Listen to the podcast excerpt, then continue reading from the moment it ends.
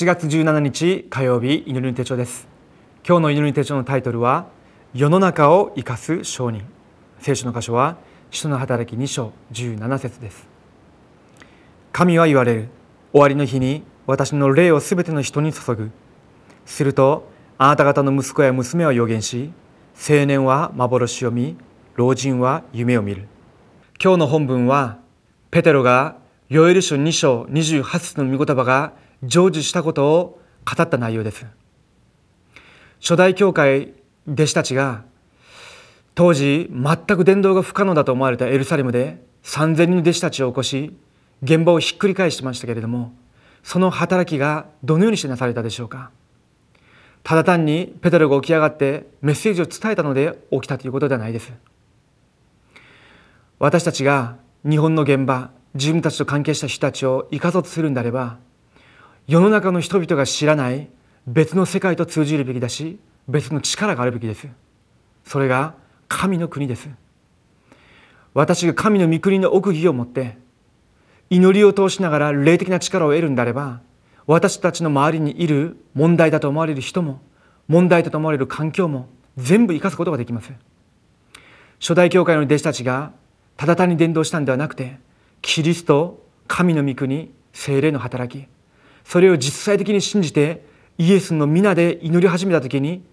本格的な精霊の働きと天使の働き闇が打ち砕かれる宮座がなされました。その中で証拠が使徒の働き2章の内容です。今日自分たちが聖書に記録されているその証拠を自分たちの生活の現場で握って同じ答えを受ける一日となるようにお祈りしていきたいと思います。では今日の序文です。神様が人を生かす福音の商人として教会を生かす商人として世の中を生かす商人として私たちを呼ばれました。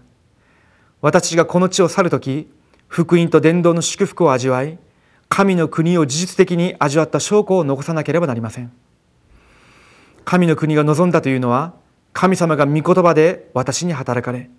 その皆で精霊が働かれ主の見つかりを送って神様の働きを成し遂げられるという意味です。この時暗闇の勢力は完全に打ち砕かれます。私たちが残すことはこの地で神の国を味わう奥義です。ではこの神の奥義の祝福が私たち自身ばかりではなくてどこに臨むべきでしょうか。一つ目です。私に出会う人に伝える神の国。私に出会うすべての人が私を通して神の国を味わい学ばなければなりません。この時誠の癒しが始まります。人間の最も大きな問題はせっかちなことと心配ばかりすること。自分の考え通りに行おうとする体質です。このような問題は実際に神の国を味わうこと以外にはどんなものによっても解決することができないものですしどんな苦しみや問題も神の国に勝ったことは一度もありません。どんな勢力も神の国に勝つことはできないのです。もし私と皆さんの周囲に本当に問題のある人がいたとしましょう。と教会の中にもいろいろな複雑な問題があり自分が職場学校に行ってみたらそこにもなぜこのような問題が起きるかそういう葛藤があるかもしれません。その問題問題を起こす人をどのようにして変えることができるでしょうか。他に方法がありません。神様の御国が望まなければなりません。その神様の御国がどのように望むでしょうか？生きとられる神様の御言葉が宣言されその御言葉を握って私がイエスの皆で祈るその時間です。精霊の働きがなされ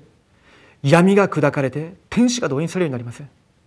その時に神様の臨在が精霊の働きが私たちと関係した人現場に現れるようになるということです。その力以外には私の周囲にいる人私自身私の現場変えることがありません。今日この奥義を契約として握って祈りの深いところに入っていきたいと思います。では2つ目です。世の中に知らせる神の国。私たちは神の国の奥義を世の中に知らせなければなりません。天と地の一切の権威を持っておられる主が私にあらゆる国の人々を弟子としなさいと言われ世の終わりまでいつも共にいると言われました。また世のすべての民のところに行って福音を伝えなさいと言われ主の皆によって悪霊が追い出されると言われました。また私たちが大きな力を受けて地の果てにまで主の商人となると言われました。御座におられる主がこの契約を握る私たちといつも共にいると約束されました。今でもキリストが復活されて私と精霊で共にいらっしゃり御座に疲れこの契約を握って進んでいく私たちに天の御座で共にいらっしゃいます。この祝福を現場で味わうべきです。では3つ目です。今成し遂げられる神の国。今私たちに神の国が目に見えるように成し遂げられるのならばどのような姿で現れるのでしょうか。はじめに私の教会が代表的な教会へと変わります。これが人の働き2章に出てくる初代教会の答えです。誰も妨げることのできない不可抗力的な祝福が現れ全世界に向けて伝道の門が開かれ御言葉が成就し3000人の弟子たちが起きて現場の働きが日々続くようになります。2つ目に全世界で私たちのすべての次世代が神の国を見るようになります。3つ目にローマ書16章の答えのように次世代を生かす福音運動と世界福音化のために全ての伝道者がワンネスとなる答えを受けるようになるはずです。私たち自身にと私たちと関係した人たちの上に現場に教会に私の行くところを全ての現場に神の御国が望むように今日お祈りしたいと思います。では今日のフォーラムの主題です。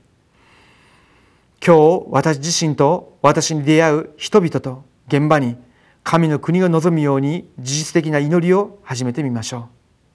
う。お祈りします。生きとられる神様に感謝を下げます。私に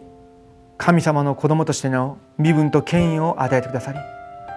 福音の商人教会祝福の商人世を生かす商人として召してくださったことを感謝します。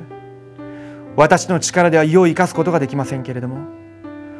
私に神様が与えてくださった神の御国の奥義を持って祈りを通して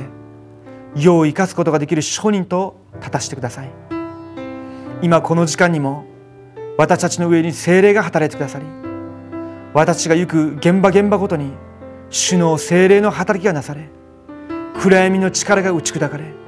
天使が動員されていく中で主の御言葉が成就されることを体験させてください。生きておられるイエス・キリストの皆によってお祈りします。アーメン。